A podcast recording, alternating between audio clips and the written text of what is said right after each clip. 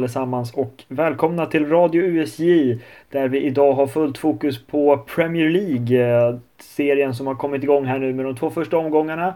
Eh, det är ju tisdag när vi spelar in det här eh, men helgen var fullspäckad med en massa härlig bra fotboll från den engelska högsta divisionen.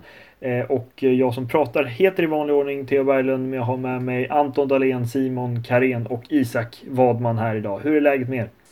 Det är bra, det är bra. Ja, det är fint, fint. Ja, det bra med mig också faktiskt.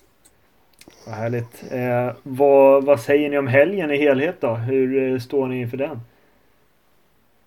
Ja, det har väl varit kul nu, andra helgen i rad med engelska ligafotbollen tillbaka och det är, ja, man sitter ju bänkad och kollar så mycket matcher man kan och hinner med, men ja, men det är kul. Många roliga matcher och väldigt händelserika och väldigt målrika matcher. De flesta i alla fall, så det har varit kul. Ja, eh, och vi hoppar väl in i det direkt och tar eh, söndagens stora drabbning då när Arsenal mötte Chelsea på, på Emirates och det var ju inget snack om saken Isak, vilka som eh, var bäst där. Du får ta den här direkt. Ja, det, det är lika bra. Ja, men Chelsea visar ju att de är en riktig kraft att räkna med. Lukaku kommer in och gör skillnad direkt. Liksom man ser han dominerar anfallet där, hans fina hold-up play, på första matchen, eller första målet får man ändå lov att säga. Håller tillbaka backen och sen passar ut den till kanten och sen får han den i boxen perfekt sen. Så att, eh, och då står det 1-0 efter en kvart. Så att eh, de visar redan då att det, kom, det funkar och det kommer funka framöver. Att ja, Chelsea kommer verkligen vara med och utmana eh, City i år. Alltså. Ja, ja, men vi kan ju börja med, med Chelsea då som som sagt ser riktigt, riktigt bra ut. Lukakus första match. Eh, han imponerar ju minst sagt, eh, gör ett mål och är allmänt stark i det offensiva spelet och särskilt i det felvända som du är inne på. Liksom.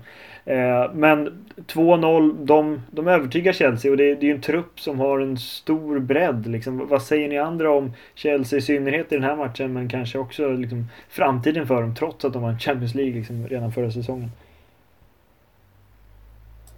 Alltså jag, hade ju, jag kunde tyvärr inte kolla på matchen för jag hade ju själv egen match den eh, dagen, eller den tiden. Så att, eh, men jag kollade mot Crystal Palace när de vann 3-0.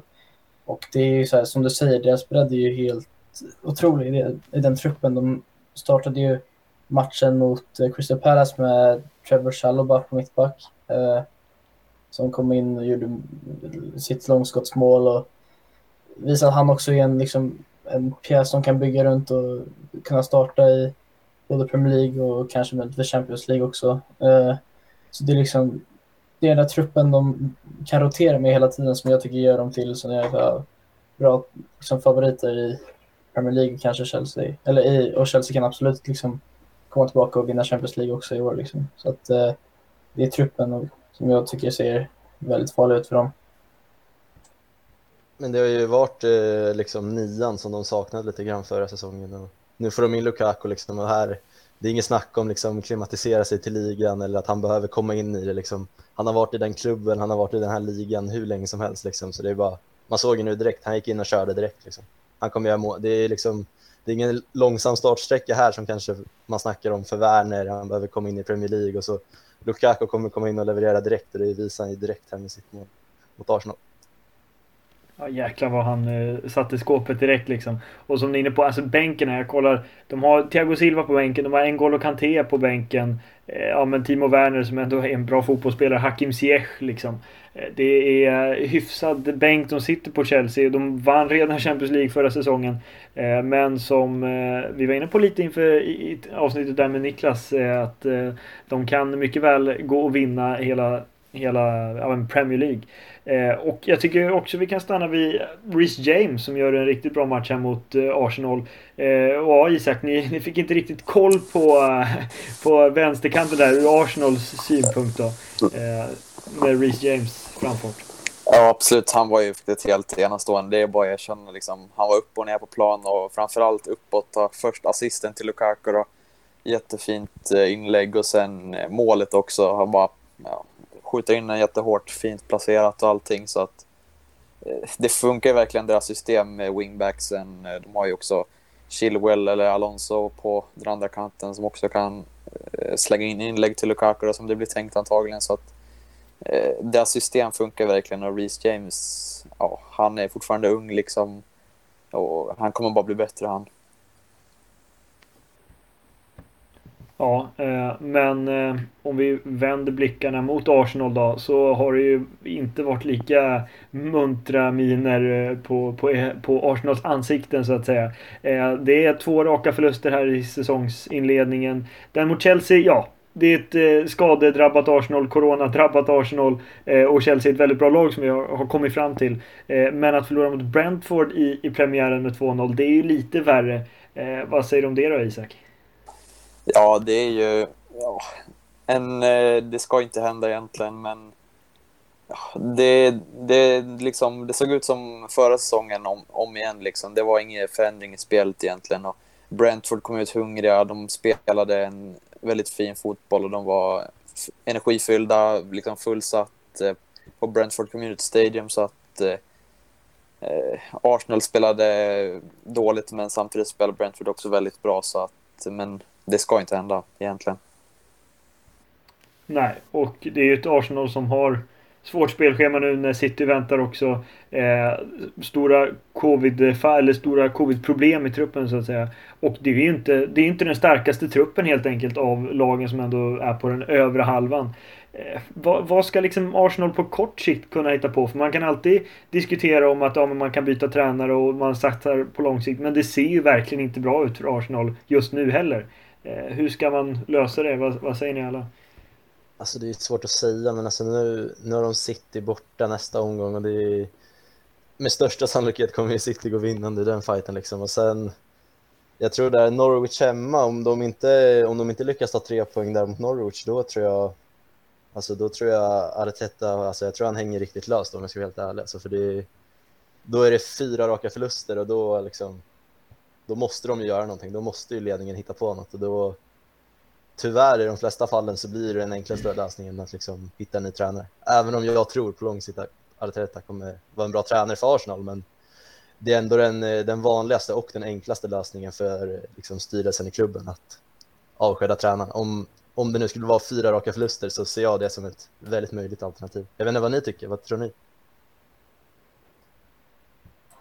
Jag tycker också det låter rimligt. Alltså det är så här, om man öppnar en säsong eh, med fyra raka förluster och om man är en, en klubb av den kalibern som Arsenal är så tycker jag alltså det är fine att förlora mot Chelsea och City för det är så pass bra lag. Men om man skulle förlora mot Norwich och förlora i öppningsmatchen mot Brentford det är svårt liksom att kunna se någon annan potentiell förändring och lösning till problemet än att liksom försöka ta in någon typ, typ av liksom vinna nu-coach. Um, ehm, då, alltså typ så här någon som är erfaren i Premier League, kanske så här Sam Allardyce, han kanske inte liksom är världens bästa tränare för att kunna komma in i Champions League eller vinna topp 6, men alltså, eller komma in i topp 6, men alltså om de behöver, om, det kommer, om de torskar fyra rad, då är det liksom så, ja, då är kanske man kollar på nedflyttning och det är ju Roy Hodgson kanske?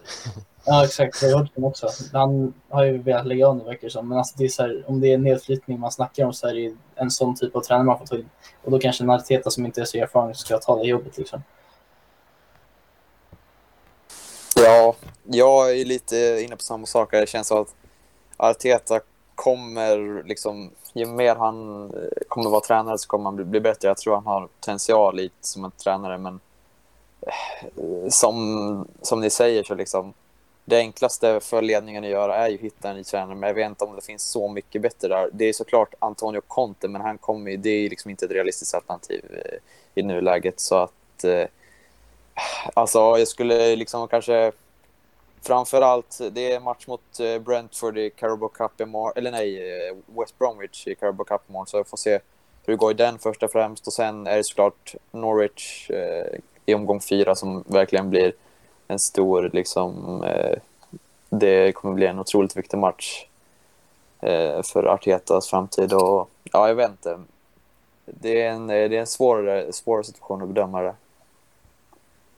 Ja, lite av ett dilemma helt enkelt. För att som ni är inne på, eh, Arteta över tid även om han har varit där ett tag nu så man tror ju ändå på att han över tid kan vara rätt man för klubben kanske.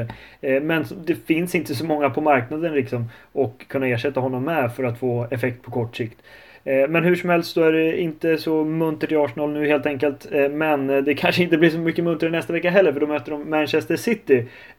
Däremot, de har ju fått en bättre säsongsinledning även om det är i matchen mot mot Spurs där i första omgången inte var allt för, eh, gick allt för bra för Manchester City.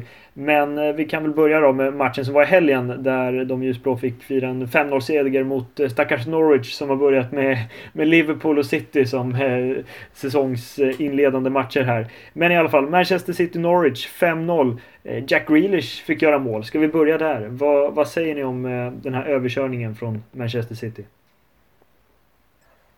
Alltså hela elvan såg ju, om man börjar liksom med själva laguppställningen så tycker jag att elvan såg lite annorlunda ut. De spelade ju med Ferran Torres som nummer nio och med Gabriel Jesus till höger.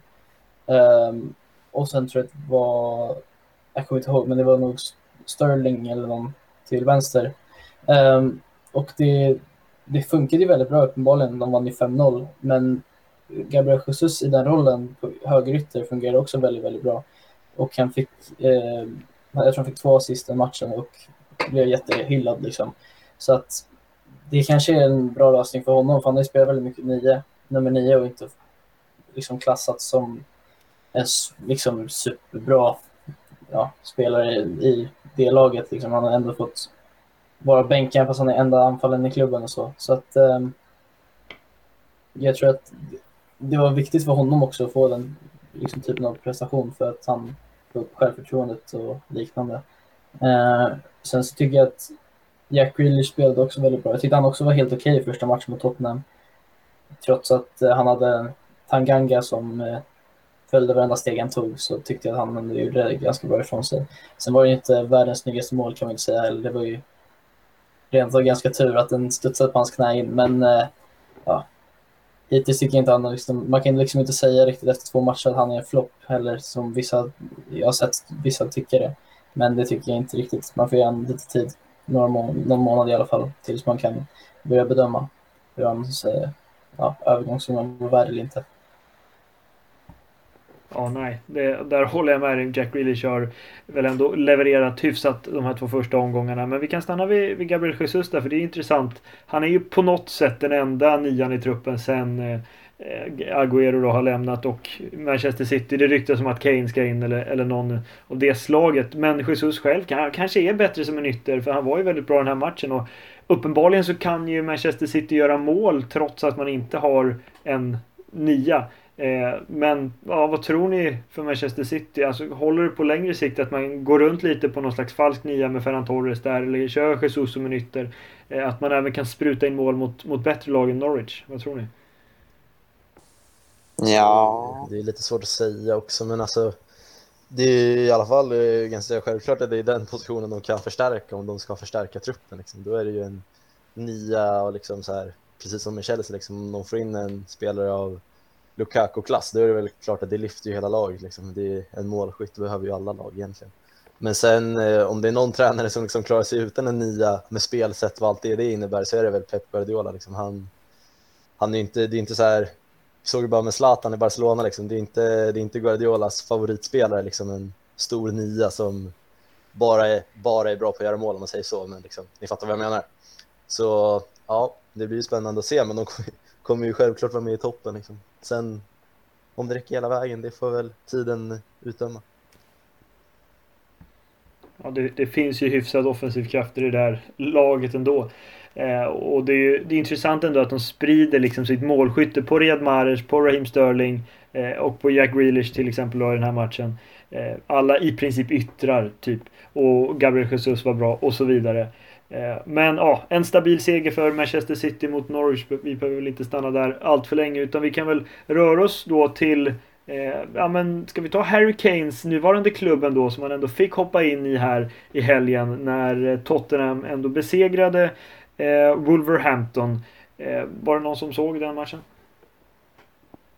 Nej, jag höll koll på, vad var det, Aston Villa mot eh, Newcastle höll jag koll på på den tiden så att eller vad det var. Så att, nej. Ja, men vi, vi konstaterar väl att Kane fick hoppa in och att om inte Kane levererar då får någon annan gammal fin Tottenham-spelare komma in och liksom få någon liten slags renässans i form av Dele Alli som gjorde straffmålet där. Eh, men ja, vad, vad, finns det att säga om Wolves Tottenham? Har vi några ord? Alltså jag går in och kollar på statsen nu från matchen och säger att skapade chanser var 23 till Wolves och 5 till Tottenham. Så det säger ju ändå en hel del om matchbilden. Men eh, Tottenham lyckas ju ändå då på något sätt ta med sig tre poäng. Ja, det är, det är imponerande. Jag kan ju tänka mig att Adama Traoré har sprungit fram och tillbaka längs en kant där mot någon stackars ytterback. Eh, men ja, stabilt ändå för, för Nuno att få två raka 1-0-segrar här. Det är väl precis de segrarna han vill plocka mot sitt gamla gäng också. Eh, men vi kan väl lämna eh, Molineux Stadium och eh, ta oss till ett annat storlag som var igång i helgen. Det var väl alla storlag i princip. Men Liverpool, Anton då, om jag vänder mig till dig. Vann mot Burnley. 2-0 här. Ännu mer stabilt än vad Tottenham levererar kanske. Ja, du? men det är väl stabilt, det är väl ett bra ord att förklara liksom. Det var ju inte, det var ingen sprudlande Liverpool som kom ut på Anfield som man kanske trodde nu när de var tillbaka på Anfield liksom. Man hade kanske hoppats på lite fler mål, men ja, man gör väl jobbet och tar väl tre ganska så säkra poäng liksom. Och, ja, Jota är mål igen. Mané får trycka dit den, det tror jag är viktigt för hans självförtroende nu inför den här säsongen. Som han har sagt själv att han kommer göra en mycket bättre säsong än i fjol, för han har ju sagt i intervjuer att han var riktigt missnöjd med sin fjolårssäsong. Så det var nog skönt för han att få göra mål och det såg man när han firade också, att han tyckte det var riktigt skönt att sätta dit den. Men sen, ja, om man bara kollar på hela spelet, alltså allt känns ju mycket mer stabilt när liksom Van Dijk och Matip är tillbaka i backlinjen. Liksom. Det är inte bara försvarsspelet, liksom anfallet. Van Dijk så här, crossbollar från backlinjen, de eh, ja, men det ger Liverpool en helt annan dimension i anfallsspelet också. Och sen var det, ja, men det var lite extra kul att se Harvey Elliott spela 90 minuter. Han gjorde en eh, riktigt bra match. Han visade ju i fjol i Championship att det är en eh, väldigt skicklig spelare, men sen är det ju en annan sak att göra det i Premier League. Men jag tyckte han var, han var riktigt bra i den här matchen faktiskt. Och, ja, han har en otrolig teknik och spelförståelse. Kan ju spela både på mittfältet och som en ytter eller vad man ska säga. Så ja, det blir väl kul nu om Liverpool inte får in någon ersättare till Wijnaldum så finns det ju nog en hel del speltid att hämta för han i den här säsongen. Men ja, det var väl stabilt liksom. Det är väl det man kan säga. Inte mer än det. 2-0. Ja, och Liverpool ska ju vinna mot, mot Burnley. Men 2-0 målet tycker jag är intressant. För det är just Van Dijk som är tillbaka den här säsongen. Liksom. Slår en öppnande passning till Harvey Elliott som har kommit ut lite på Alexander Arnolds position där. Men han har å, å sin sida vikit inåt i mitten. Hittar Sadio Mané som står för det här fina målet.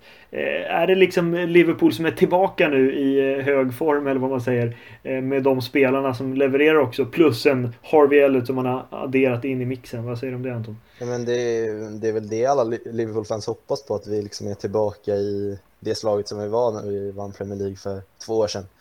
Men det är fortfarande lite svårt att säga så här inledningsvis. Nu. Vi har ju mött Norwich och Burnley. Liksom. Det är ju två matcher som Liverpool ska vinna. Nio gånger av tio i båda fallen, och om inte mer än det. Så det, är, alltså de, det stora testet kommer ju nu nästa, nästa omgång när man möter Chelsea. Liksom. Det, det ska bli intressant att se, men jag, alltså av det jag har sett så tror jag, tror jag att Liverpool kommer överraska många och göra det bättre än vad många tror liksom, på förhand. Så det blir nog, jag tror det blir en jämn match mot Chelsea här till helgen. Ja, eh, hur kändes det med fullsatt på Anfield då? I Premier League igen? Alltså det är ju inte bara Anfield, alltså alla arenor. Det, ja. det, blir en helt annan, alltså det är helt fantastiskt att se faktiskt. Det är, Alltså det blir alltså en, eh, en bottenmatch kan ju bli rolig att kolla på bara på grund av intensiteten och liksom trycket på läktarna. Liksom, man ser ju spelarna också, det blir ju en helt annan intensitet. Liksom. När det har varit tomma läktare, vissa matcher, de kan ju så här, eh, det kan ju nästan kännas som en träningsmatch i vissa stunder. Om det, ja, men om det står ett lag leder med 2-0, då spelar man bara av matchen. Det finns ingen publik där. Liksom. Nu är ju trycket från läktarna där och då vill man om man är som ett hemmalag och även om man ligger under så vill man liksom kriga hela vägen in 90 minuter. Så det blir mycket roligare matcher för oss tittare också. Ja, verkligen. Eh, men jag måste bara fråga om Liverpool också, som alla kan svara på. Alltså Diogo Jota har ju kommit in, gjort eh, två mål här nu. Är det han som är före Firmino nu för tiden liksom? Eller vad, vad tycker ni om det? Ja, alltså jag skulle gärna vilja se han eh, mer, eller han, han har fått mycket, väldigt mycket speltid nu, men alltså jag tycker ju, själv tycker jag personligen att eh, Jotas spelstil är lite mer rolig att kolla på än Firmino, även om Firmino gör ett riktigt eh, bra jobb och han, han, är, den, han har liksom varit med och tagit Liverpool till toppen och så, men eh, Jota har ju bevisat att han, att han platsar i en startelva i Liverpool och i Premier League och han presterar ju oftast bra när han kommer in där man är skadefri och sånt, så jag vill gärna se honom lite mer. Jag tror också det beror på helt liksom vilka de möter. För att Firmino och Jota är två helt olika spelare när de spelar på anfallare. Eller som spelar som nummer nio. Liksom. Firmino är mycket mer att han bidrar mycket mer i pressen och i det defensiva och är med i uppbyggnader och så vidare. Medan Kota är lite mer av en ja, lite anfallare, alltså mer offensiv spelare, liksom kan göra lite mål, lite assist, vara med i den sista tredjedelen lite mer. Så jag tror att det är, om de möter liksom ett lag som är väldigt hög press och väldigt, alltså som typ City eller Chelsea, alltså något som är lite högre rangen av lagen så tänker jag att Firmino kanske ska starta, men mot de här lagen som är lite mera, ja, mm, som man ska vinna över Norwich och eh, Burnley och de där, så ska man liksom spela kanske Kotta som kan bidra i det offensiva lite mer. Liksom. Det är därför det är lite spännande och troligtvis en huvudbry för Klopp nu inför Chelsea-matchen, vem han ska starta liksom. Jag tror mm. om, eh, om inte Mané hade gjort det där målet så hade det varit ett alternativ att ta ut Jota till vänsterkanten också och spela Firmino i mitten. Men jag har ändå svårt att se att han ska bänka Jota nu när han har gjort mål två raka matcher. Det, det skulle ändå vara lite tjänstefel skulle jag säga i alla fall. Så jag tror nog det blir Jota från start. Det känns ju svårt att peta Mané också med tanke på den spelaren ändå är liksom. Ja, exakt. Och speciellt nu när han fick in det här målet också. Det är nog, då vill nog Klopp fortsätta spela för liksom självförtroende och av allt det innebär att få göra mål. Liksom. Ja. Ja, och Salah gjorde också mål, men det blev ju bortdömt för offside. Ens skytteligavinnare såklart. Eh, men eh, vi kan väl bara konstatera, det är säkert folk som lyssnar här har säkert sett det på andra, ni har säkert också sett det i andra sammanhang. Vi måste också upp, eh, uppmärksamma här i Radio USI att Burnley, såklart Burnley, hade 1 till 11 direkt på tröjorna. Har ni sett det? Eh, det är helt sjukt egentligen. Det var första gången sedan någon gång på 90-talet läste jag att det, det har hänt. Alltså de har eh, Nick Pope i mål med 1 och sen har de liksom 3, 3, 2, 5, 6 i backlinjen. 4, 8, 7, 11 i mittfältet och så Chris Wood nummer 9, Ashley Barnes nummer 10. Det är ju fint. Ja, alltså det blev ändå väldigt uppmärksammat i alla fall på sändningen då på Viasat. Och det, Jag kän... den alltså. ja, det känns väl eh, ganska liksom, att det passar med Burnley för de är ändå, det känns, känns lite old school. Det är liksom 4-4-2. Det är två stycken eh, gamla skolans strikers på topp med Ashley Barnes och Chris Wood och så. Och sen Ja, och Sean Deitch med den typen av eh, tränare han är så att eh, det passar väl ändå dem och det är kul att se ändå lite annorlunda. Ja, fina Burnley ändå. Eh, men ett annat fint lag spelade igår, eh, måndagsmatchen där, West Ham Leicester. Eh, 4-1 till Londonlaget. Det var ju lite överraskande ändå. Eh, och Michael, eller Mikael, eller hur man nu säger det där namnet, Antonio. Eh, ja, vad han levererar. 4-1. Eh, vad säger ni om, om West Ham Leicester och att Michael Antonio nu är bästa målskytt i Premier League för West Ham någonsin? Ja, det är väl, eh, det är väl imponerande av Antonio, men det är ändå ja, det är väl lite tråkigt för matchen att Leicester får det där röda kortet precis innan paus. Liksom. Men eh, alltså, fram till dess så var det ju en jämn match ska jag säga, så då var det ju ja, Visst, det, det stod 1-0 till West Ham, men det var, ändå, det var ändå en bra och jämn fotbollsmatch fram till dess. Men sen såklart med en spelare mindre så blir det ju jobbigt för Leicester att hålla emot. Och I andra halvlek så är det ju ingen snack om saken. Då är det ju West Ham för hela slanten. Och vinner ju rättvist med 4-1. Ja, och det, det blir ju som sagt om man blir eh, om det andra laget blir en man mindre då ska ju West Ham ändå lösa det även om Leicester är ett, ett bra lag. Eh, men det är ändå imponerande tycker jag West Ham att Eh, Eh, med förväntningarna på något sätt eh, lite från förra säsongen. Eh, vinna första matchen, visst, det kanske inte var den, den, den, svåraste mot Newcastle där. Men sen gå in och leverera, göra fyra mål igen mot Leicester och eh, göra det inför hemmapubliken här. Nej, det var imponerande och Michael Antonio som man aldrig slutar att älska, eller vad man ska säga. Han han är en speciell fotbollsspelare men han krigar och kämpar ju och det ser inte alltid riktigt fint ut när han spelar. Men eh, han gör de där målen och ja, 4-1. Man kan, man kan inte kräva så mycket mer även om det blev ett mål för, eh, eller ett, ett rött kort då i första halvlek för, för Leicester.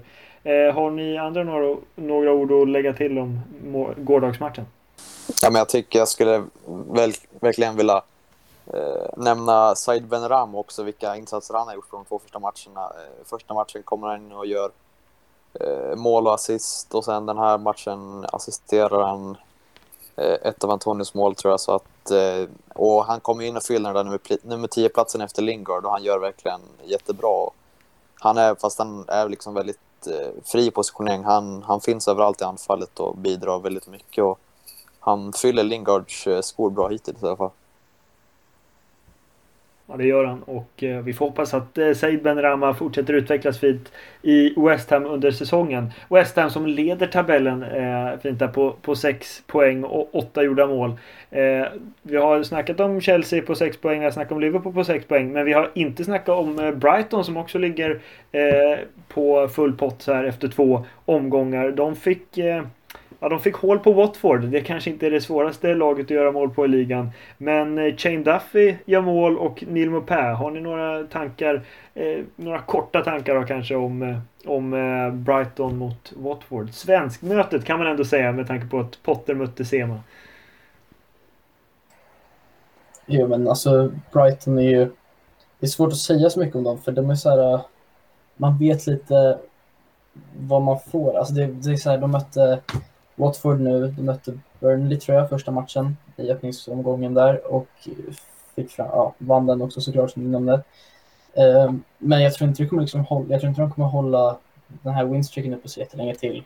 Uh, bara om man kollar rent på papper, liksom, lag mot lag, så tror jag inte att det är en titelutmanande sida om man säger så. Det är så här, Nimo Pay han kommer kanske göra tio mål till och det är absolut godkänt för en spelare som honom. Liksom. Eh, lika som eh, många andra i det laget. Att det kommer, de kommer säkert klara sig. De kommer säkert vara den här mittendelen av tabellen och de kommer vara nöjda med det.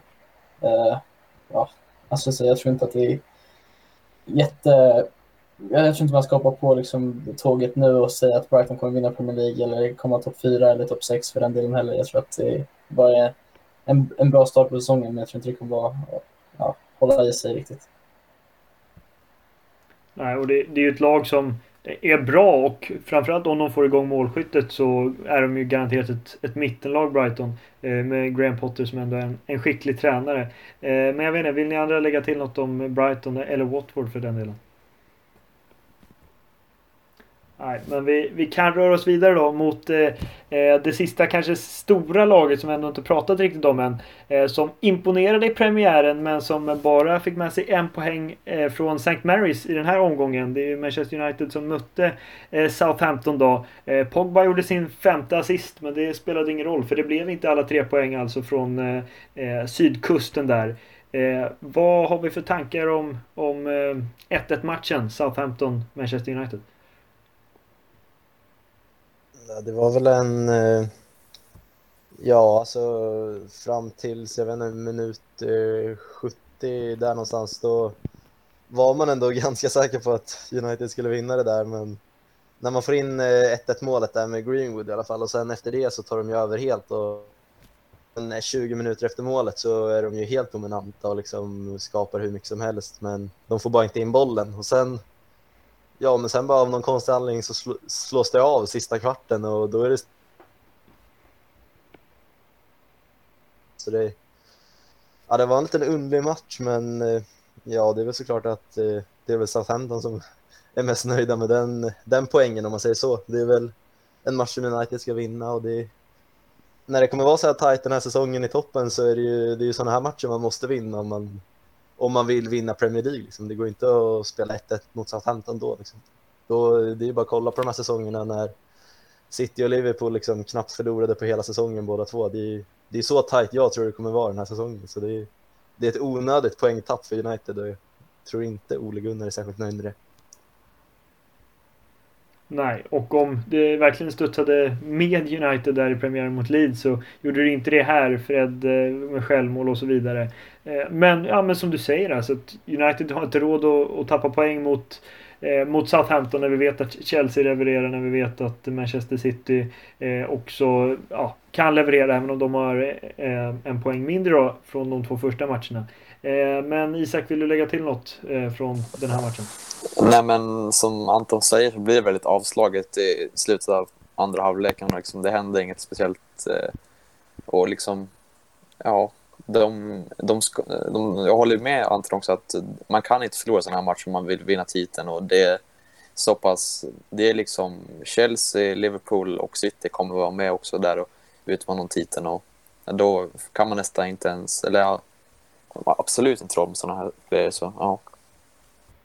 Men ett topplag, liksom ett, ett, lag som vill, vill vinna Premier League kan ju inte spela med Fred och Matic på mittfältet. Det, alltså det, det, det, funkar ju inte eh, om man ska vinna Premier League heller. Liksom. Det, det händer ju ingenting i offensiv riktning. De, det enda de kan göra är att stå och passa sidled på egen planhalva. Visst, de är bra bollvinnare och bra på att täcka ytor, men det är, det är ändå Manchester United vi snackar om. Ole Gunnar måste ju hitta något sätt att ja, men få ner Pogba på den, i någon av de två positionerna och spela han tillsammans med någon av de här defensiva, McTominay eller Fred eller Matic, liksom, vem det nu än är. Men nej, det, det är något, något måste ju förändras för det är, alltså jag tror inte det funkar liksom, att spela med sådana spelare på mittfältet en hel säsong. Och man, man behöver ju kreativitet mot defensiva lag som Southampton. Liksom. Spelare längre ner i banan som också kan slå öppnande passningar. Liksom. Nu nu är det Pogba, och Bruno och Greenwood som ska göra allting själva där uppe. Liksom. Man måste ju ha någon bakom som kan trä in bollarna också. Så det, ja, det ser lite bekymmersamt ut om man kollar från United-ögon på den här matchen i alla fall. Ja, och du var väl tidigt inne på att eh, det här innermittfältsparet räcker inte kanske framförallt mot de lite sämre lagen. För att Visst, de kan täcka några ytor mot ett eh, eh, forsande Manchester City men eh, när man ska bryta ner Southampton då krävs det annat. Och, och särskilt nu när de har fått in Sancho, han får ju hoppa in i den här matchen. Eh, men han, de kan ju starta med honom eh, och kanske då flytta ner Pogba på en defensiv mittfältsposition. Eh, så att ja, det, de hade kanske behövt någon eh, någon eh, ja, men Fernandinho eller någon, någon sån typ av spelare. Eh, N'Golo Kanté kanske. Eh, som eh, hade städat upp där längre bak i, i mittfältet på ett bättre sätt. Eh, ja, Simon, vill du lägga till något om den här matchen? Nej, inte direkt om själva matchen, men sen så tänker jag lite om den här defensiva mittfältspositionen också. Så tänker jag, alltså, det är båda två tycker jag, alltså båda två platserna behöver bytas ut ganska alltså, så snabbt som möjligt, helst i januari för, för, för United. Liksom. då tänk, alltså, en defensiv, mer defensiv inställd spelare och liksom ännu mer kreativ. Och då tänk, alltså, så här, man kan ju klara sig med typ McTominay eller Fred på ena positionen. Men man kommer behöva den där kreativiteten som Anton var inne på. Alltså, en spelare som Declan Rice tror jag hade passat väldigt bra in i hela den spel, alltså kreativitet, speluppbyggnaden liksom som de behöver. Um, men sen så är han ju, för West Ham är ju han värd liksom 75 till 80 miljoner pund så att det är ju det är svårt att få fram honom. Men uh, ja, jag tror att han skulle kunna bidra väldigt mycket positivt till det laget.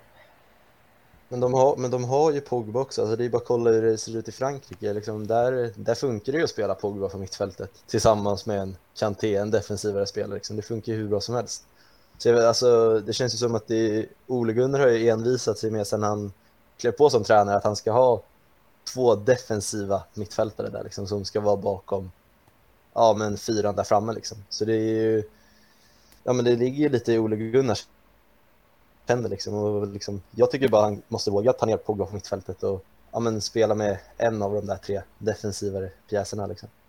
Det jag, jag, känner att de, de, sen skulle man ju kunna byta ut den spelaren för det är, ju, det är inga toppspelare de här tre vi pratar om kanske men det är, man borde i alla fall kunna testa att ta ner Pogba på mittfältet och ja, de har ju spelare som kan spela där framme liksom. Sen Rashford kommer tillbaka, Sancho börjar på bänken i den här matchen. Så de har ju alternativ där framme istället för Pogba liksom.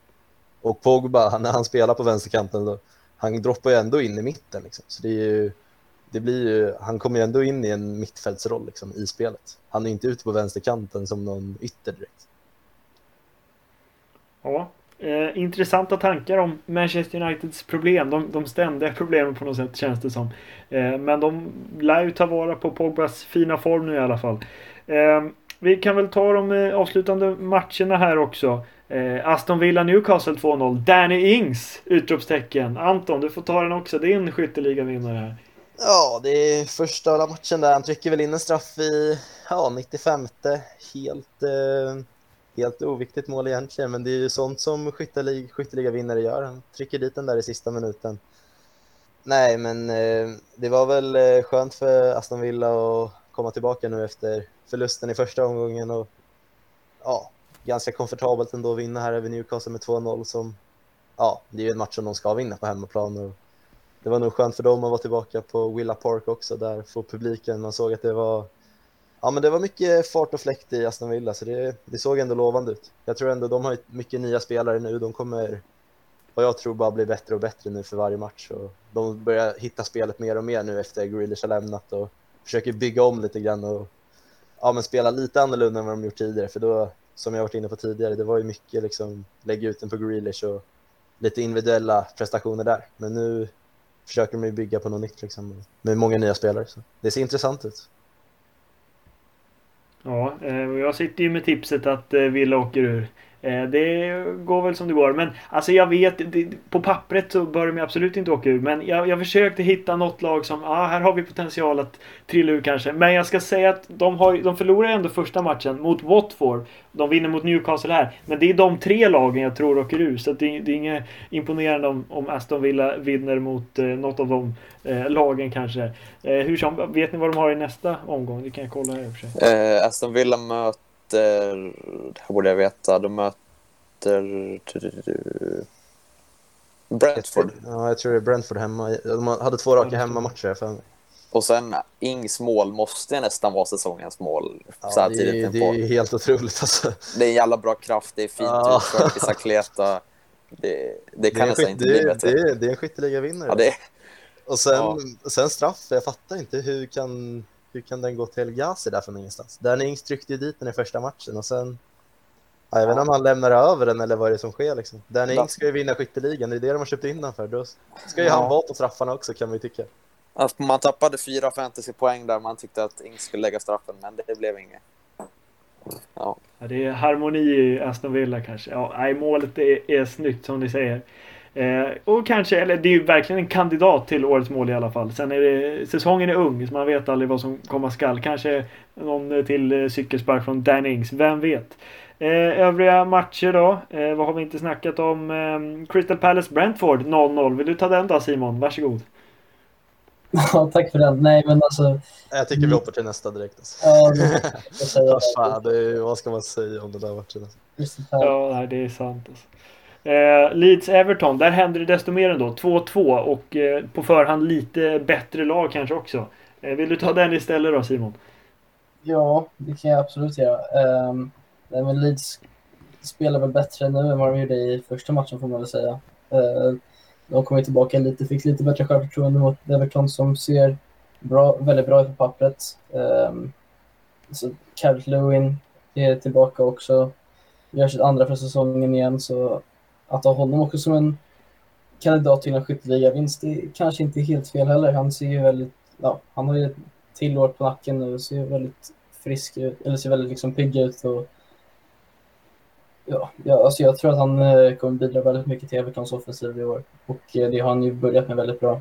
Sen så tycker jag att Rafinha gör en väldigt bra match eh, för Leeds. Han såg väldigt, väldigt bra ut offensivt. Uh, gjorde ett mål också så att han får man ja, ge lite cred till. Ehm, men eh, i sin helhet tyckte jag att det var en välspelad match med båda lagen och ja, resultatet säger liksom detsamma. En väl, välförtjänt poäng tycker jag till båda lagen. Ja, och det, det blir intressant att se Leeds det här, den här säsongen tycker jag liksom det, här, det är lite svåra andra året som man brukar prata om. Och det är ju ett lag som imponerade liksom positivt förra säsongen. Eh, ett väldigt energifyllt lag som kan förlora mot Manchester United med 5-1 men ändå rycka upp sig nästa säsong. Nu blev det en poäng här och de eh, har ju en poäng efter de två ändå hyfsat tuffa första matcher här. Eh, ja, jag vet inte, vad, vad, tror ni om Leeds den här säsongen? Blir det liksom ett steg ner från förra eller fortsätter de bara framåt med liksom Bielsa-kraften? Ja, men jag tror att Leeds, de Bielsa är en jättebra tränare och de har ändå hållit laget intakt. De har inte blivit sönderköpta. De har adderat in Junior Firpo från Barcelona på vänsterbacken, så det är ju en uppgradering från Igan Alioski i alla fall. Eh, och så går Dallas upp där på mittfältet då. Eller det gjorde han i slutet av förra säsongen också, men eh, de ser fortsatt spännande ut och som Simon mm. nämner, Rafinha gör en bra match. Han, han är ju liksom deras kreativa brasse där på kanten. Fin teknik, han är snabb, gör snyggt mål där, skruvar in den så att... Och så har vi Bamford där på topp, assisterar till Klichs mål och han, han är ju... Han är en klassisk nummer nio som alltid... Han gör jobbet liksom och eh, målskyttet lär väl komma igång snart också. De får en lite lättare matcher här snart så att eh, jag tror att eh, jag tror att de ångar på. Ja, och eh, Everton ligger där de ska i tabellen, sjua. Det, det, det är perfekt. Eh, men ja, det var, det var alla matcher det. Eh, West Ham etta och Arsenal nästan då, förutom Norwich. Sist, perfekt. Eh, har ni några avslutande ord här om Premier Leagues två första omgångar? Nej, men jag ser nu när jag är inne på min fotbollsapp här att Norwich spelar faktiskt just nu i Carabao Cup och Bournemouth leder 6-0 så att de kanske vänder sin noter nu. Vi får se. Helvete, 6-0. Är det nu Europaspel ja. man får ur den? Carabo? Ja, jag vet inte. Men jag, tror, jag, jag, jag, jag, tror att det är FA-cup, är inte typ Europa League kvar? Ja, jo, men jag, visste inte, jag vet inte om det är Carabo också, men det kanske var lite nej, långsökt. Och... Carabo Cup, det, nej det tror jag inte. Men det... Det är bara ära man vinner. Eh, det, det är det Norwich får satsa på kanske. Eh, men ja, nej, vi, vi avslutar väl eh, det första liksom, avsnittet här om Premier League eh, under säsongen för, för Radio USI. Sen lär vi ju komma tillbaka när vi snackar Premier League och säkert en del annan fotboll också. Eh, framtida poddar här. Eh, men jag får tacka alla er för att ni var med här idag. Tack själv. Tack. Tack, tackar. Tack så mycket. Och tack till alla som lyssnar. Vi hörs någon gång i framtiden. Ha det bra till dess. Hej då. Hej då. Hej.